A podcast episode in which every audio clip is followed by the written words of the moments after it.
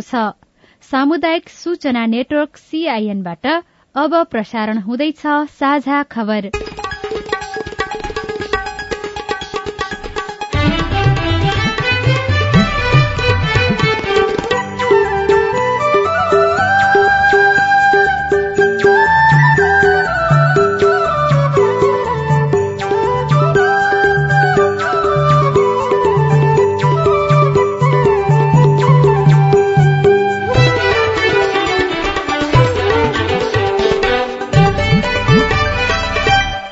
प्रभात यो सीआईएनको साझा खबर हो। उषा तामाङसँगै राजन रुचालको तपाईँलाई स्वागत छ। सामुदायिक रेडियोबाट देशैभरि एकैसाथ प्रसारण भइरहेको साझा खबर सीआईएन खबर डट कम र मोबाइल एप सीआईएनबाट पनि सुन्न सकिन्छ। आज दुई हजार उनासी साल फागुन चौविस गते बुधबार मार्च आठ तारीक सन् दुई हजार तेइस नेपाल सम्मत एघार सय त्रिचालिस चैत कृष्ण पक्षको प्रतिपदा तिथि अन्तर्राष्ट्रिय श्रमिक महिला दिवस।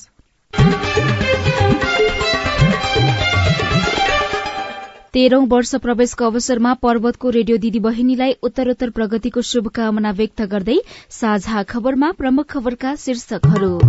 प्रधानमन्त्री प्रचण्ड विरूद्ध द्वन्दकालीन मुद्दा दर्ता भोलिका लागि पेशी तोकियो शान्ति सम्झौता विपरीतका गतिविधिको प्रतिवाद गर्ने माओवादी घटक दलहरूको निर्णय राष्ट्रपति निर्वाचनको मतपत्रमा उम्मेद्वारको फोटो पनि राखिने। नेपाल आलुमा आत्मनिर्भर बन्ने बाटोमा जुम्ला पाता राशिका नागरिक आलु बेचेर समृद्ध बन्दै बिचौलियाको सेटिङमा सरकारले दूधको मूल्य बढ़ाएको उपभोक्ता कर्मीको आरोप।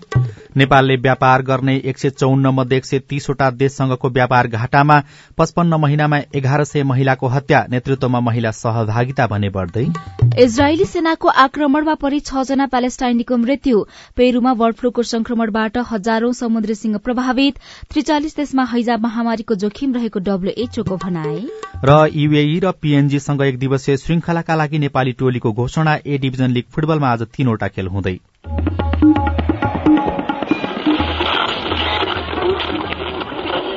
सयौं रेडियो। हजारौं रेडियो कर्मी र करोड़ौं नेपालीको माझमा यो हो सामुदायिक सूचना नेटवर्क सीआईएन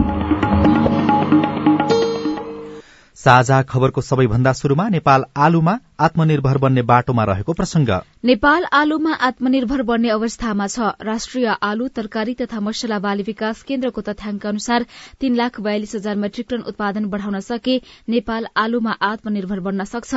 केन्द्रका अनुसार नेपालमा अहिले एक लाख अन्ठानब्बे हजार सात सय हेक्टर जमीनमा गरिएको खेतीबाट वार्षिक तेत्तीस लाख पच्चीस हजार दुई सय एकतीस मेट्रिक टन आलु उत्पादन हुन्छ।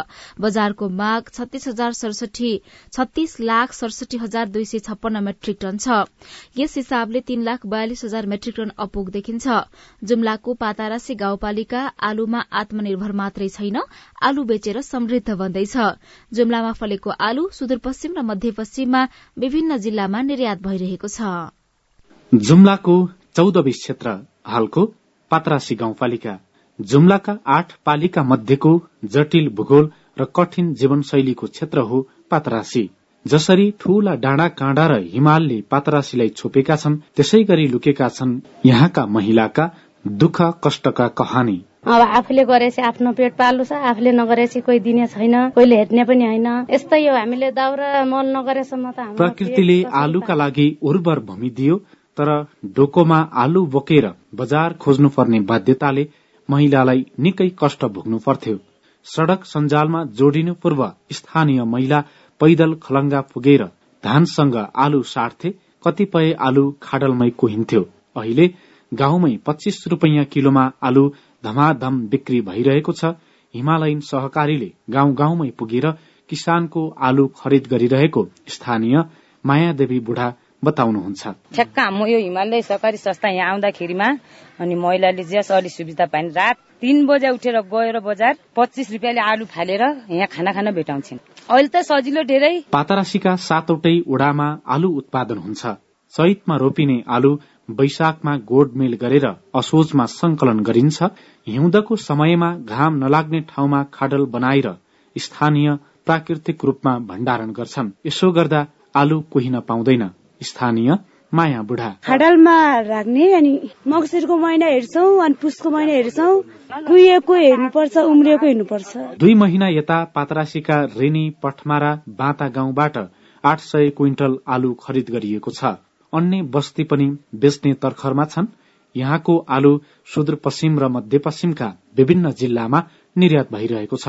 आलु जोनहरूले समेत पातरासीबाटै बिउ मगाउने गर्छन्। हिमालयन बहुउद्देश्य सहकारीका बजार व्यवस्थापक राजेन्द्र बुढा पातरासी गाउँपालिकाको छ र सात नम्बर ओडा र चार र पाँच नम्बर ओडाको आलु खुमल सेतो जातको आलु हामीले सुदूरपश्चिम र मध्यपश्चिमका जिल्लाहरूमा आलु जोन कृषि ज्ञान केन्द्रहरूलाई विभिन्न पकेटहरूलाई दिएका छौँ र अहिले त्यही अन्तर्गत हामीले रिनीबाट तीन सय क्विन्टल उठायौँ। यहाँ दुई सय क्विन्टल भोलि जान्छ यो। पातरासीको उर्थु चौतारामा दस टन भण्डारण क्षमताको आलु संकलन केन्द्र स्थापना गरिएको छ। बलौटे माटो भएको पातरासी भर आलु उत्पादन हुन्छ।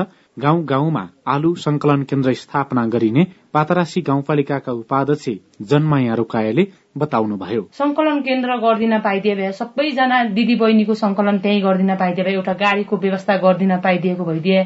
कति गर्न सकिन्छ हामीले गर्छौं कोसिस पनि गरेकै छौं। कृषि विकास कार्यालय जुम्लाका अनुसार जुम्लामा दुई हजार छ सय पचास हेक्टरमा आलु खेती भइरहेको छ। आलु उत्पादनको साठी प्रतिशत हिस्सा पातरासी गाउँपालिकाले मात्रै ओगटेको छ। यहाँको पचास प्रतिशत आलु बाहिरी जिल्लामा निर्यात हुने गरेको छ। मान बहादुर कुँवर सीआईएन रेडियो खुला आकाश जुम्ला। कृषिको प्रसंगपछि अब राजनीतिक विषय। प्रधानमन्त्री पुष्पकमल दाहाल प्रचण्ड विरूद्ध सर्वोच्च अदालतमा रिट दर्ता भएको छ। दुई हजार छयत्तर साल माघ एक गते काठमाडौँको टुणीखेलमा भएको एउटा कार्यक्रममा सशस्त्र युद्धका बेला मारिएका सत्र हजार मध्ये पाँच हजार जनाको मात्रै आफूले जिम्मा लिने अभिव्यक्ति उहाँले दिनुभएको थियो। उहाँको सोही अभिव्यक्तिलाई लिएर द्वन्दकालीन घटनामा पीड़ितहरू ज्ञानेन्द्र राज आरन कल्याण बुढाथोकी विनोद सापकोटा कमला राई तिमल सेना होमराज दवाड़ी लगायतले रिट दायर गर्नुभएको हो। उक्त रिटमाथि भोलिका लागि पेशी तोकिएको रिट निवेदक आरनले जानकारी दिनुभएको छ। त्रिहत्तर साल असार दुई गते नै मेरो आमा महेश्वरी आरनले सत्य निरूपण तथा मेलमिलाप आयोगमा उजुरी दर्ता गर्नुभएको। अहिलेसम्म प्रारम्भिक अनुसन्धान भएन। नेपाल माओवादी पीड़ित संघका संस्थापक अध्यक्ष गणेश चिलवालको श्रीमतीले पनि सावित्री चिलवाल उहाँ मेरै छेउमा हुनुहुन्छ। उहाँले पनि त्यतिखेरै उजुरी दिनुभएको। त्यो अहिलेसम्म प्रारम्भिक छानबिनै भएन। हामीले जहाँ उजुरी हाल्यौँ किटानी जाहेरी दियौँ ती निकायहरूबाट हाम्रो विषय सम्बोधन नभएको हुनाले न्यायका लागि सम्मानित सर्वोच्च आएका हुन्। सर्वोच्च प्रशासनले राजनीतिक अभिव्यक्तिमा टेकेर पेश भएको निवेदन दर्ता हुन नसक्ने भन्दै दरपीट गरेको थियो। त्यस विरूद्ध परेको निवेदनमा न्यायाधीश ईश्वर खतिवड़ा र हरि फुयालको इजलासले शुक्रबार रिट दर्ता गर्न आदेश दिएपछि हिजो सर्वोच्च अदालतमा रिट दायर भएको हो। रिटप्रति माओवादी केन्द्रले भने आपत्ति जनाएको छ। माओवादी धारका आठ पार्टीले विस्तृत शान्ति सम्झौता विपरीतका गतिविधिको प्रतिवाद गर्ने निर्णय समेत गरेका छन्। कानूनविदहरूले भने द्वन्दकालीन मुद्दाका बारेमा अदालतमा मुद्दा पर्ने विषय सामान्य भएको बताएका छन्। सीआईएनसँग कुरा गर्दै वरिष्ठ अधिवक्ता डाक्टर चन्द्रकान्त गेवालीले भन्नुभयो। सामान्य प्रक्रिया हो यो अदालतको तर केही पनि होइन। किनभने कसैले मुद्दा हाल्छ भने त्यसमा रिट पुगेन भने रजिस्ट्रारले बेरित भनिदिन्छ बेरित भनेको उप चाहिँ त्यो इलासमा पुग्छ। इलासले चाहिँ ए रिट पुगियो छ भने मात्रै दर्ता गर्ने पुगियो छ छैन। कानून अनुसार आथे आथेन भनेर चाहिँ हेरेर अनि रिट पुगेको रहेछ भने त्यसलाई बदल गरेर दर्ता गर भन्दिन हो। त्यसपछि दर्ता गरेको हो न। रिट दर्ता गरेपछि कहाँदेखि आदेश हुन्छ होइन? कहाँदेखि आदेश भएपछि अब त्यो त विपक्षी पनि आउँछन् त्यसमा। छलफल चल्छ। त्यसभन्दा पहिला नै शान्ति प्रक्रियाको अन्तरिम संविधानमा पनि एउटा अनुसूची यहाँ राखिएको थियो।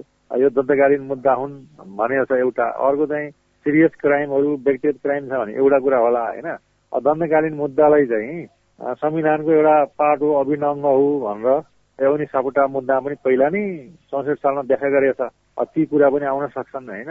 यसले गर्दाखेरि यो चाहिँ मैले देखेको यो अदालतमा दर्ता गर्दा सामान्य प्रक्रिया जस्तो लाग्छ मलाई यसैबीच शान्ति प्रक्रियालाई निष्कर्षमा पुर्याउन राष्ट्रिय मानव अधिकार आयोग र नेपाल बार एसोसिएशनले आग्रह गरेका छन्। यसका लागि नेपाल सरकार र गठित आयोगहरू जिम्मेवार हुन आवश्यक रहेको बार एसोसिएशनको भनाइरहेको छ। मानव अधिकार आयोगले पनि सोह्र वर्ष पूरा भइसक्दा समेत संक्रमणकालीन न्यायका कतिपय विषय टुङ्गोमा नपुग्नु चिन्ताको विषय बनेको भन्दै यसलाई यथाशीघ्र टुङ्गो लगाउन आग्रह गरेको छ। राष्ट्रिय स्वतन्त्र पार्टीका सभापति रवि लामिछानेले अमेरिकी नागरिकका हैसियतमा नेपालमा रहेकै बेला झुटा विवरण दिई राहदानी लिएको विषयमा छानबिन भइरहेको र त्यसको निरूपण राहदानी कानून अनुसार हुने सर्वोच्च अदालतले जनाएको छ। स्वतः निष्क्रिय भएको नेपाली नागरिकता पेश गरी लामिछाने प्रतिनिधि सभा सदस्यको उम्मेद्वार बनेको भन्दै योग्यताको प्रश्न उठाएर दायर रिटमाथि फैसला गर्ने क्रममा सर्वोच्चले राहदानीको प्रसंग पनि उल्लेख गरेको हो। सर्वोच्च अदालतका कायम प्रधान न्यायाधीश हरिकृष्ण कार्की न्यायाधीशहरू विश्वम्भर प्रसाद श्रेष्ठ ईश्वर प्रसाद खतिवड़ा आनन्द मोहन भट्टराई र अनिल कुमार सिन्हाको संवैधानिक इजलासले गत माघ तेह्रमा लामिछानेले प्रयोग गरेको नागरिकता अवैध रहेको ठहर गरेको थियो। त्यही फैसलाको पूर्णपाठ हिजो सार्वजनिक भएको हो। लामिछानेले स्वत निष्क्रिय भएको नेपाली नागरिकता पेश गरेर नेपालबाट राहदानी पनि लिएका थिए तर प्रतिनिधि सभा सदस्य पदमा उम्मेद्वार भएको विषयमा मात्रै मुद्दा परेकाले राहदानीका विषयमा थप व्याख्या गर्न सर्वोच्चले अस्वीकार गरेको छ। अयोग्यता सम्बन्धी मुद्दाको फैसलामा लामिछानेले झुटा विवरण दिई राहदानी लिएको विषय राहदानी कानून अनुसार निरूपण हुने सर्वोच्च अदालतले जनाएको छ।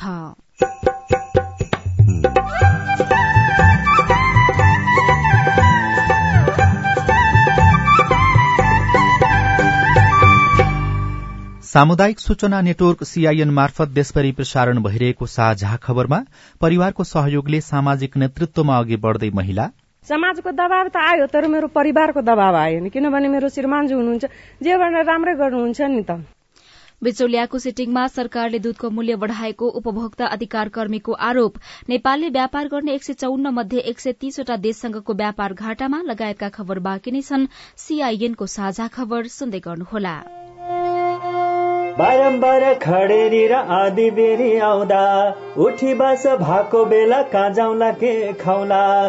सुक्खा ठाउँमा बाँच्न सक्ने बोट बिरुवा रोपौँ। खाली ठाउँमा हरियाली बाढी पहिरो रोकाउँ कृषि भूमि व्यवस्थापन विकास कार्य गर्दा राम्रो हुन्छ गाउँ घर ज्ञान सिप जोड्दा। घाँसे मैदान चरण क्षेत्र पानी कामुल जोगाउँ। पशुपालन कृषि गरी छोरा छोरी पढाउँ। परिवर्तन हुँदा नि जलवायु बाँच्न मिल्छ जीवनको सत आयो बाँच्न मिल्छ जीवनको सत आयो बाँच्न मिल्छ जीवनको सत आयो। जलवायु परिवर्तनले निम्ताएका चुनौतीको सामना गर्न जमिन जल र प्राकृतिक स्रोत व्यवस्थापनका सर्वोत्तम उपलब्धिहरूको कार्यान्वयन गरौं। पारिस्थितिकीय प्रणालीमा आधारित अनुकूलन आयोजना जलवायु परिवर्तन तथा व्यवस्थापन महाशाखा वन तथा वातावरण मन्त्रालय र सिआइएन ल कान्छा यतिका दिन जे भयो भयो। अब दाई दिदी बहिनीहरूसँग रिस नराखेस है। कान्छा दाईले मात्र होइन क्या आमा? मेलमिलाप भइसकेपछि अब कसैले मन अमिलो बनाउनु भएन। तपाईँहरूले नै रोजेका मेलमिलापकर्ता राखेर जग्गाको साँच सिमाना बारेको नौ वर्षदेखिको विवादमा मेलमिलाप भयो। योभन्दा खुसीको कुरा हामी मेलमिलापकर्ताको लागि के हुन्छ र? मेलमिलापकर्ता बाबु हामी दुई भाइ बीचको झगडालाई यति सजिलै चाँडै मिलाइदिनु भएकोमा तपाईँलाई मुरी मुरी धन्यवाद छ। मैले यो मेलमिलाप केन्द्र भन्ने त अलि पहिले नै सुनेको थिएँ क्या बाबु? मन माझ गरेर दुवै पक्षले जित्ने गरी पो कुरा मिलाउनु हुने रहेछ। कस्तो राम्रो। मनमुटाप गर्नेहरूलाई अबदेखि यो मेलमिलाप केन्द्रमै जाऊ भन्छु म चाहिँ। सुन्नुहोस् आमा। सरकारी सामुदायिक र सार्वजनिक बाहेक जग्गा सम्बन्धी विवाद गाली बेजती लुटपिट सहित विभिन्न एघार प्रकारका विवाद हरेक वडामा रहेका मेलमिलाप केन्द्रबाट मिलापत्र गराउन सकिन्छ नि आमा। कस्तो राम्रो। अनि हरेक वडामा यस्ता मेलमिलाप केन्द्र छन् त बाबु? छन् नि आमा किन नहुनु? कुनै कुनै वडामा दुई वा त्यसभन्दा धेरै पनि छन्। विवादका पक्ष र विपक्षका व्यक्तिले चाहेको मेलमिलाप केन्द्रबाट निकास खोज्न सकिन्छ। वडाको मेलमिलाप केन्द्रबाट विवाद समाधान भएन भने नि आमा? हजुर। पालिकाको न्यायिक समितिले पनि विवाद समाधानका लागि छलफल गराउन सक्छ। आहा। यति भएपछि त गाउँघरको झगडा गाउँमै हाँसी खुसीका साथ मिल्ने भइहाल्यो नि होइन त? हो नि आमा। अस्ट्रेलिया सरकार र द एसिया फाउन्डेसनको साझेदारीमा सञ्चालित स्थानीय सरकार सबलीकरण कार्यक्रम र अकोराब नेपाल। सामाजिक रूपान्तरणका लागि यो हो सामुदायिक सूचना नेटवर्क सीआईएन तपाईँले देशभरिका सामुदायिक radio CIN Khabar dot com र मोबाइल एप सीआईएनबाट एकैसाथ साझा खबर सुन्दै हुनुहुन्छ। अब आज काठमाडौँबाट प्रकाशित पत्र पत्रिकाका खबर। नयाँ पत्रिका दैनिकमा पचपन्न महिनामा एघार सय महिलाको हत्या। शीर्षकमा पहिलो पृष्ठमा खबर छ हत्या गरिएका मध्ये एक सय चौतिस बालिका प्रहरी तथ्याङ्क भन्छ महिला विरूद्ध अपराधका घटना दैनिक पचास भन्दा धेरै। पछिल्लो सडसठी महिनामा देशभर महिला विरूद्धका एक लाख एक हजार छ सय बयानब्बे अपराधका घटना भएका छन्। नेपाल प्रहरीको तथ्याङ्क अनुसार सबैभन्दा धेरै अठहत्तर हजार पाँच सय अठासी घटना घरेलु हिंसाका छन्। जुन महिला विरूद्ध हुने कुल अपराधको सतहत्तर दशमलव दुई आठ प्रतिशत हो। यस अवधिमा बलात्कारका बाह्र हजार साठी घटना भएका छन्। त्यस्तै बहुविवाहका चार हजार तीन सय बयासी घटना भएका छन्। कान्तिपुर दैनिकमा राष्ट्रपति निर्वाचनको मतपत्रमा उम्मेद्वारको फोटो हुने खबर छापिएको छ। राष्ट्रपति निर्वाचनमा उम्मेद्वारको फोटोसहितको मतपत्र प्रयोग हुने भएको छ। निर्वाचन आयोगले यसअघि मतपत्रमा उम्मेद्वारको नाम मात्रै राख्ने गरेको थियो। यसपटक उम्मेद्वारको नाम र फोटोसहितको मतपत्र छपाएर निर्वाचन अधिकृतको कार्यालयमा पठाइसकेको आयोगका प्रवक्ता शालिग्राम पौडेलले जानकारी दिनुभएको छ। भोलि हुने राष्ट्रपति निर्वाचनमा आठ दलीय गठबन्धनबाट कांग्रेस नेता तथा पूर्व सभामुख रामचन्द्र पौडेल र विपक्षी दल एमालेबाट उपाध्यक्ष एवं पूर्व सभामुख सुभाष चन्द्र नेमाङ प्रतिस्पर्धामा हुनुहुन्छ। राष्ट्रपति विद्यादेवी भण्डारीको कार्यकाल फागुन अठाइसमा सकिने भएकाले निर्वाचन गर्न लागि हो। संघीय संसदका तीन सय एकतीस र प्रदेश सभाका पाँच सय पचास सांसद गरी आठ सय एकासी जना सांसदले राष्ट्रपति निर्वाचनमा मत दिनेछन्। नयाँ पत्रिका दैनिकमै उपत्यकामा छाडा कुकुरको आतंक रेबिज विरूद्धको खोप लगाउन दैनिक दुई सय पचास जना पुग्ने खबर शिवहरी घिमिरेले लेख्नु भएको छ। काठमाण्डु महानगरले शहरी छाडा कुकुर व्यवस्थापनमा सात वर्षमा पन्ध्र करोड़ पैंतालिस लाख रूपियाँ खर्च गरेको छ। यसमध्ये तीन करोड़ पैंतालिस लाख महानगरको हो भने बाह्र करोड़ अनुदानमा आएको थियो। खुराकी खर्च कर्मचारी व्यवस्थापन खर्च एन्टीरेबिज भ्याक्सिन बन्दाकरण भ्याक्सिन कुकुर गणना खोर व्यवस्थापन लगायतका उक्त रकम खर्च भएको जनाएको छ। तथ्याङ्क अनुसार काठमाण्डु उपत्यकामा दैनिक दुई सय पचास जना कुकुरले टोकेर टेको अस्पतालमा खोप लगाउन पुग्ने गरेका छन्। इपिडेमियोलोजी तथा रोग नियन्त्रण महाशाखाको तथ्याङ्क अनुसार दुई हजार पचहत्तर छयत्तरमा अठार आर्थिक वर्ष दुई हजार चौहत्तर पचहत्तरमा बत्तीस जनाको रेबिजबाट ज्यान गएको छ। दुई हजार छयत्तर सतहत्तरमा भने मृत्यु भएको संख्या यकिन छैन। त्यस्तै दुई हजार सतहत्तर अठहत्तरमा साठी जना भन्दा बढ़ीको र अठहत्तर उनासीको माघसम्म अठार जनाको रेबिज संक्रमणबाट मृत्यु भएको छ। कान्तिपुर दैनिकको अर्थ वाणिज्य पृष्ठमा बिचौलियासँगको सेटिङमा सरकारले दूधको मूल्य बढ़ाएको खबर राजु चौधरीले लेख्नु भएको छ। मूल्य वृद्धिको कारण देखाउँदै डेरी उद्योग संघले गत पोष सोह्रमा एकलौटी रूपमा दूधको मूल्य प्रति लिटर चौध रूपियाँ बढ़ाएको थियो। डेरी एसोसिएशन किसानहरू दुवै संस्था केन्द्रीय दुग्ध उत्पादक सहकारी संघ र उपभोक्ता अधिकार कर्मीले मूल्य वृद्धिको चर्को विरोध पनि गरेका थिए। चौतर्फी विरोधपछि राष्ट्रिय दुग्ध विकास बोर्डकै पहलमा उद्योगीहरूले मूल्य स्थगन गरेका थिए। त्यसपछि सरकारले किसानको लागत मूल्य बजार मूल्य वृद्धि तथा उपभोक्ताको क्रय शक्तिका आधारमा वैज्ञानिक अध्ययन गर्ने दावी गरेको थियो। त्यसपछि अध्ययनका नाममा सरकारसँग मिल्योमतो गरी प्रति लिटर चौध रूपियाँ बढ़ाउने तयारी थियो। त्यसको पनि विरोध भएपछि दाना चोकर मुद्रास्फीति ढुवानी खर्च र उद्योगीको खर्च बढ़ेको निष्कर्ष निकाल्दै राष्ट्रिय दुग्ध विकास बोर्डले दूधको मूल्य प्रति लिटर दश रूपियाँ बढ़ाउन कृषि मन्त्रालयमा प्रस्ताव गर्यो। बोर्डको सोही प्रस्तावका आधारमा कृषिले मन्त्री परिषदमा बैठकमा प्रस्ताव लगेको हो। सरकारले वैज्ञानिक आधार र उपभोक्ताको क्रय शक्तिलाई आधार मानेर मूल्य समायोजन गरेको बताए पनि उसैको उसैले उद्योगीहरूकै मूल्यमा सहमति जनाइदिएको बाहिरिएको छ। गत शुक्रबार बसेको मन्त्री परिषद बैठकले किसानको मूल्यमा प्रति लिटर आठ रूपियाँ छयासी पैसा बढ़ाउने निर्णय गरेसँगै उद्योगले खुद्रा मूल्य प्रति लिटर चौध रूपियाँ बढ़ाउने तयारी गरेका छन्। संघका अध्यक्ष राजकुमार दाहालले पनि यसको पुष्टि गर्नुभएको छ। उपभोक्ता हित संरक्षण मंच नेपालका महासचिव विष्णु प्रसाद तिमल सिन्हाले भने सरकार र उद्योगीबीच सेटिङमै मूल्य बढ़ेको दावी गर्नुभएको छ। राष्ट्रिय दुग्ध विकास नीति दुई हजार अठहत्तर अनुसार दूधको मूल्य दुई वर्षमा पुनरावलोकन गर्न सकिन्छ तर यसपटक सरकारले एकै वर्षमा मूल्य बढ़ाएको छ। विगतमा सरकारले दूधको अधिकतम मूल्य तोक्ने गरेकोमा यसपटक किसान मूल्य तोकेर बाँकी बिचौलियालाई निर्णय गर्ने ठाउँ दिएको छ। यसले पनि बिचौलियासँगको सेटिङमा सरकारले दूधको मूल्य बढ़ाएको देखिने उपभोक्ता अधिकार कर्मीले बताएका छन्। नेपालले वैदेशिक व्यापार गर्ने मध्ये करिब छयासी प्रतिशत देशसँगको व्यापार घाटामा छ।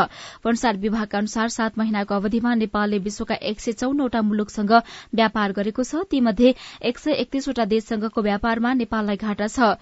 यो कुल व्यापार गर्ने देशको संख्याको करिब छयासी प्रतिशत हो।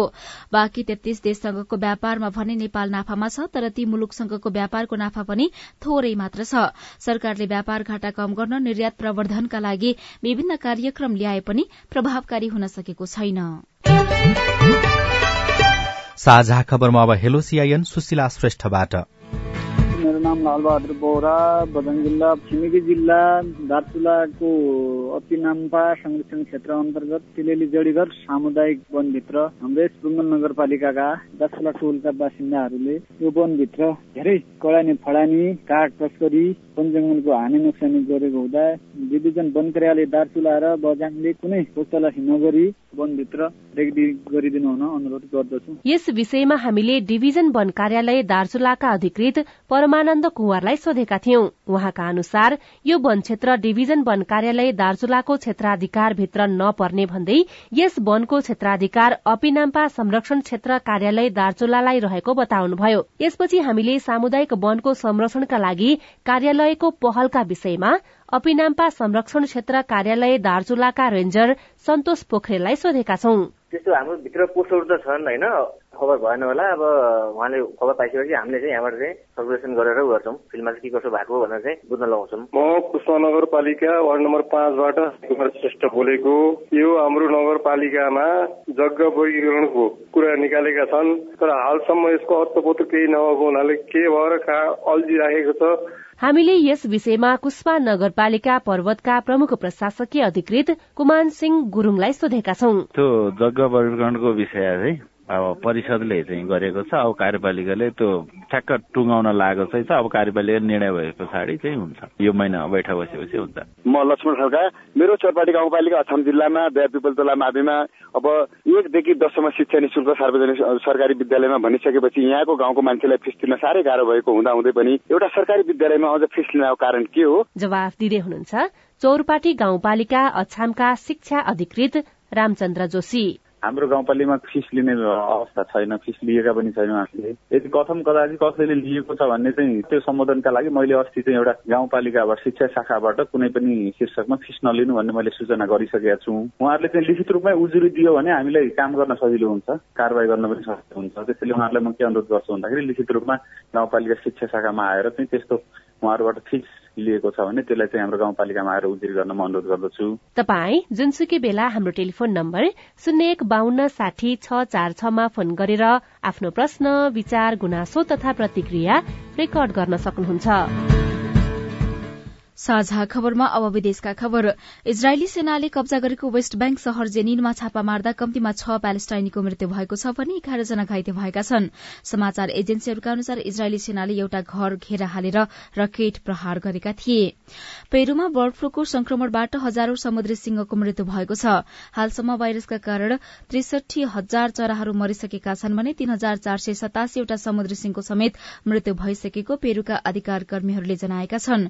यो पेरूको कुल समुद्री सिंहको सी तीन प्रतिशत हो।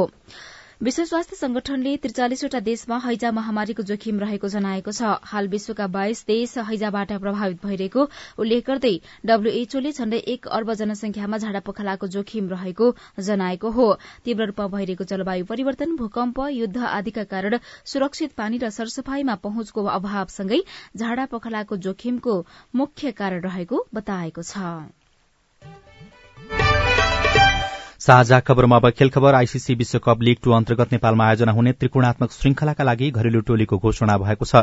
भोलिबाट शुरू हुने त्रिकोणात्मक श्रृंखलाका लागि रोहित पौडेलको कप्तानीमा चौध सदस्यीय नेपाली टोलीको घोषणा भएको हो। टोलीमा यसअघि युए भ्रमणमा रहेका सन्दीप जोरा बाहेका सबै खेलाड़ीलाई निरन्तरता दिइएको छ। श्रृंखलामा नेपालले युए र पपुवा न्युगिनीसँग समान दुई दुई खेल खेल्नेछ।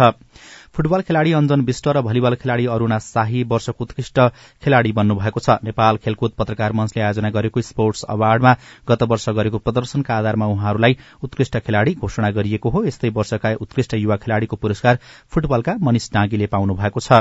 र ए डिभिजन लीग फुटबलमा आज तीनवटा खेल हुँदैछन्। पहिलो खेलमा सशस्त्र प्रहरीको एपीएफ क्लब र सातो बाटो बीच दिउँसो साढे दुई बजे च्यासल मैदानमा प्रतिस्पर्धा हुनेछ। सोही समयमा नेपाल पुलिस क्लब र हिमालयन शेर्पाले दशरथ रंगशालामा खेल्नेछन्। त्यस्तै साँझ साढे पाँच बजे दशरथ रंगशालामै मनाङ मर्स्याङदी क्लब र संकटाबीच प्रतिस्पर्धा हुनेछ। यसअघि हिजो चर्च बोइजले खुमन्टारलाई तीन एकले हराउँदा थ्री स्टार र फ्रेन्ड्सले तीन तीनको बराबरी खेलेका थिए। नेतृत्वमा महिलाको बढ्दो सहभागिता र घट्दो विभेद रिपोर्ट अरू खबर र कार्टुन पनि बाँकी नै छ। सीआईएनको साझा खबर सुन्दै गर्नुहोला। दाइजो। दहेज मांगने है अस्सी हजार रुपया आठ आना सोना बाह्र भर चानी बाल विवाह? वर्ष चौध वर्ष। मेरो बिहे भएको डेढ साल भयो। साथीहरू स्कुल जाँदा रहर लाग्छ। बिहे किन गर्यो जस्तो लाग्छ। छुवाछुत। कुकुर पढ्नु पनि हामी पढ्नु पनि भएपछि त अलिकति मन त फेरि नै हुन्छ नि छाउपडी। हुन्छ दुःख त नभएर हुन्छ। बिहाको झगडा हुन्छ। बेगा चाहिँ चिसो भइरहेछ। यस्ता हानिकारक परम्परागत अभ्यासका कारण महिला किशोरी र बालिकाहरू विभिन्न शारीरिक तथा मानसिक हिंसा भोग्न बाध्य छन्। होसियार यस्ता हानिकारक परम्परागत अभ्यासहरू कानूनद्वारा दण्डनीय छन्। ओल्ड भिजन इन्टरनेसनल नेपाल र सामुदायिक सूचना नेटवर्क सिआइएन नेपाल टेलिकमको सूचनाको संसार। होइन के सुनेको यस्तो ध्यान दिएर दोहोरो बोलेको जस्तो नै देख्दिन। तीन दुई एक शून्य शून्य क्या? तीन दुई एक शून्य शून्य? के हो त्यो भने? बुझिन त। ल सुन। एनटिसी प्रयोगकर्ताहरूले आफ्नो मोबाइल तथा ल्यान्डलाइनमा तीन दुई एक शून्य शून्य डायल गरी समाचार रेडियो कार्यक्रम खेल र अन्य विषयबारे सन्देशहरू जुनसुकै बेला निशुल्क सुन्न सक्छन्। ओहो निशुल्क? कस्तो सजिलो। समाचार सुन्न छुट्यो भनेर पिर लागेको थियो। अब त म पनि सुनिहाल्छु। कति रे? तीन दुई एक शून्य शून्य। सामाजिक रूपान्तरणका लागि यो हो सामुदायिक सूचना नेटवर्क सीआईएन साझा खबरमा अब महिला सशक्तिकरणको कुरा। महिला र पुरूषलाई एक रथका दुई पाङ्ग्रा अथवा एक सिक्काका दुई पाटाका रूपमा व्याख्या गरिन्छ। तर समान काममा भिन्न जालादेखि समाजमा महिला र पुरूष बीचको विभेद भने हट्न सकेको छैन। यद्यपि पछिल्लो समय महिला पनि नेतृत्वमा पुग्न थालेसँगै यस्तो विभेद केही कम हुन थालेको छ। गुटो नलगाउँदाखेरि उहाँहरूले यो पनि भन्छ कि यो त उदाम नै भइसकेको छ। यस्तो पनि मान्छे हुन्छ यस्तो पनि महिला हुन्छ यस्तो दबाब म नै भोगेको छु। सिराहाका उषा कर्ण दलित समुदाय र महिला सशक्तिकरणका क्षेत्रमा सक्रिय हुनुहुन्छ। तर अहिलेको अवस्थासम्म आइपुग्न उहाँले अनेकौं अप्ठ्यारा झेल्नु पर्यो। त्यस्ता अप्ठ्यारामा परिवारको साथले आफूलाई ठूलो आड भरोसा दिएको उहाँ बताउनुहुन्छ। समाजको दबाव त आयो तर मेरो परिवारको दबाव आयो नि। किनभने मेरो श्रीमानजी हुनुहुन्छ। जे भनेर राम्रै गर्नुहुन्छ नि त। कुनै मैले गल्ती गरेको हेऱ्यो भने म उहाँलाई जे गर्छु त्यो मेरो काम हो तपाईँहरू गर्नु पर्दैन त्यो समाजको काम होइन। मेरो श्रीमानले मलाई साथ दिनुभएको थियो। महोत्तरीका रेणुकुमारी महरा उन्नाइस वर्षको हुनुभयो। परिवारको दबावमा दुई वर्ष अघि नै विवाह गर्नु परेका कारण मानसिक र शारीरिक समस्या अनि हिंसा झेल्नु परेको उहाँको अनुभव छ। आफूले कलिलो उमेरमै जबरजस्ती विवाह गर्नु परे पनि अरूले यस्तो हिंसा भोग्नु नपरोस् भनेर उहाँ अहिले सक्रिय हुनुहुन्छ। हम नहीं डराई छी कि हम जे अपना सही समाज में देखी छी अभियो भी महिला अगर गलती नहीं कैने है वो तो अगर झै झगड़ा भ रहल है कोई महिला के जथाभावी कुटपीट कर रहल है तो वो तो हम रोकैत रहे है ओहि के निर्णय ल क ओकरा से समझा क हो या जेना क क हो ई चीज नहीं होबा चाही ई चीज गलत है घरेलु हिंसा महिला पर अत्याचार नहीं करियो। नेपालमा महिला र पुरूष बीच अझै अनेकौं विभेद छन्। शहरी क्षेत्रमा भन्दा ग्रामीण भेग र तराई मधेसमा भेदभाव बढ़ी देखिन्छ। तर यो भेदभाव अन्त्य गर्नुपर्ने आवाज बलियो बन्दै गएको छ रौतहटको बौद्धिमाई नगरपालिकाका उपप्रमुख प्रमिला जयसवाल पहिले त घरैमा बसेको थियो बिएड गरेको थियो मेरो नाइरको बुवाले भन्थ्यो यसमा नलाग्ने। मेरो सासुरोले लाग्यो भने त्यसको सपोर्टले म खारायो। घरै परिवारले सहायता दिएछ तब न म उठेछु न त मेरो सोचै थिएन। नेपालले महिला विरूद्ध हुने सबै प्रकारका भेदभाव उन्मूलन सम्बन्धी महासन्धि उन्नाइस सय एकासीलाई अनुमोदन गरिसकेको छ। महिला सशक्तिकरणका लागि संविधान लगायत अन्य कानूनी प्रावधान विस्तारै भए पनि लागू हुने क्रममा छन्। शिक्षा र अवसरमा बढ़दो पहुँचका कारण महिला आत्मनिर्भर बन्दै गएका छन् जसका कारण विभेदको खाडल पनि कम हुन थालेको छ। यसका लागि राज्यका साथै परिवारका सबैको साथ सहयोग आवश्यक पर्ने प्राध्यापक सञ्जीव उप्रेती बताउनुहुन्छ। उता बच्चा पनि हेर्नु परिरहेछ घरको काम पनि गर्नु परिरहेछ बाहिर गएर आफ्नो क्षमता पनि देखाइरहनु परेछ। मजुरले कसरी भ्याउँछ? भनेपछि त्यो चाहिँ त्यो घरमा काम गर्ने र बाहिर गएर काम गर्ने यो सबै कुरामा चाहिँ यो श्रमको विभाजनमा पुरूषहरूले पनि साथ दिनुपर्छ। राजनीतिक प्रशासनिक लगायतका सबै क्षेत्रमा महिलाको बढ़दो उपस्थितिले महिलालाई आत्मबल बढ़ाउँदै लगेको छ। सभ्य समाजको चुनौतीका रूपमा रहेको महिलामाथि हुने सबै प्रकारका भेदभाव अन्त्य गर्न महिलाले चालेका पाइलामा पुरूषको पनि होस्टेमा हैसे आवश्यक छ। Sajana Timalsina CIN Kathmandu. रिपोर्टसँगै हामी साझा खबरको अन्त्यमा आइपुगेका छौं। सामुदायिक रेडियो प्रसारक संघद्वारा संचालित सीआईएनको बिहान छ बजेको साझा खबर सक्नु अघि मुख्य मुख्य खबर फेरि एकपटक। प्रधानमन्त्री प्रचण्ड विरूद्ध द्वन्दकालीन मुद्दा दर्ता भोलिका लागि पेशी तोकियो। शान्ति सम्झौता विपरीतका गतिविधिको प्रतिवाद गर्ने माओवादी घटक दलहरूको निर्णय। नेपाल आलुमा आत्मनिर्भर बन्ने बाटोमा जुम्ला पातारासीका नागरिक आलु बेचेर समृद्ध बन्दै बिचौलियाको सेटिङमा सरकारले दूधको मूल्य बढ़ाएको उपभोक्ता अधिकार कर्मीको आरोप। नेपालले व्यापार गर्ने एक सय चौन्न मध्ये एक सय तीसवटा देशसँगको व्यापार घाटामा पचपन्न महिनामा एघार सय महिलाको हत्या। इजरायली सेनाको आक्रमणमा परि छ जना प्यालेस्टाइनीको मृत्यु त्रिचालिस देशमा हैजा महामारीको जोखिम रहेको डब्ल्यूएचओको भनाई। र युए र पीएनजीसँग एक दिवसीय श्रृंखलाका लागि नेपाली टोलीको घोषणा। साझा खबरको अन्त्यमा कार्टुन लिएका छौं यी हिमालय टाइम्स। डट कमबाट महेश बस्ताकोटीले बनाउनु भएको चसक्क शीर्षकको कार्टुन रहेको छ। यहाँ कर्मचारी जस्ता देखिने व्यक्ति छन् एकजना चिया पिउँदैछन् अर्काजना पत्रिका पढिरहेका छन् उनीहरू दुईजनै अट्टहास हाँसो हाँसिरहेका छन्। पत्रिकामा चाहिँ विदाको दिन पनि सरकारी कार्यालय खुल्ने भनेर लेखिएको छ। केही दिन अगाडि सरकारले यस्तो निर्णय गरेको थियो। त्यही कुरालाई व्यङ्ग्य गर्न खोजिएको छ। कर्मचारी कर्मचारी कार्यालय खुल्ने दिनमै त कसरी बिताउने दिन भनेर अलमलमा पर्छन्। झन् विदाको दिन कसरी काम गर्ने? उनीहरू झन अलमलमा छन्। त्यही कुरालाई व्यङ्ग्य गर्न खोजिएको छ र माथि चाहिँ यस्तो लेखिएको छ। जाडो महिनामा त ठिकै हो। गर्मीमा त कसरी दिन कटाउनु हो? घाम तापेर। उफ सकिँदैन। हौस् त प्राविधिक साथी सुभाष पन्तलाई धन्यवाद। अहिलेलाई राजन रुचाल र उषा तामाङ विदा भयौं। तपाईँको आजको दिन शुभ होस्। नमस्कार। यसपछि देशभरिका सामुदायिक रेडियोबाट कार्यक्रम हाम्रो पालिका प्रसारण हुनेछ। सुन्ने प्रयास गर्नुहोला।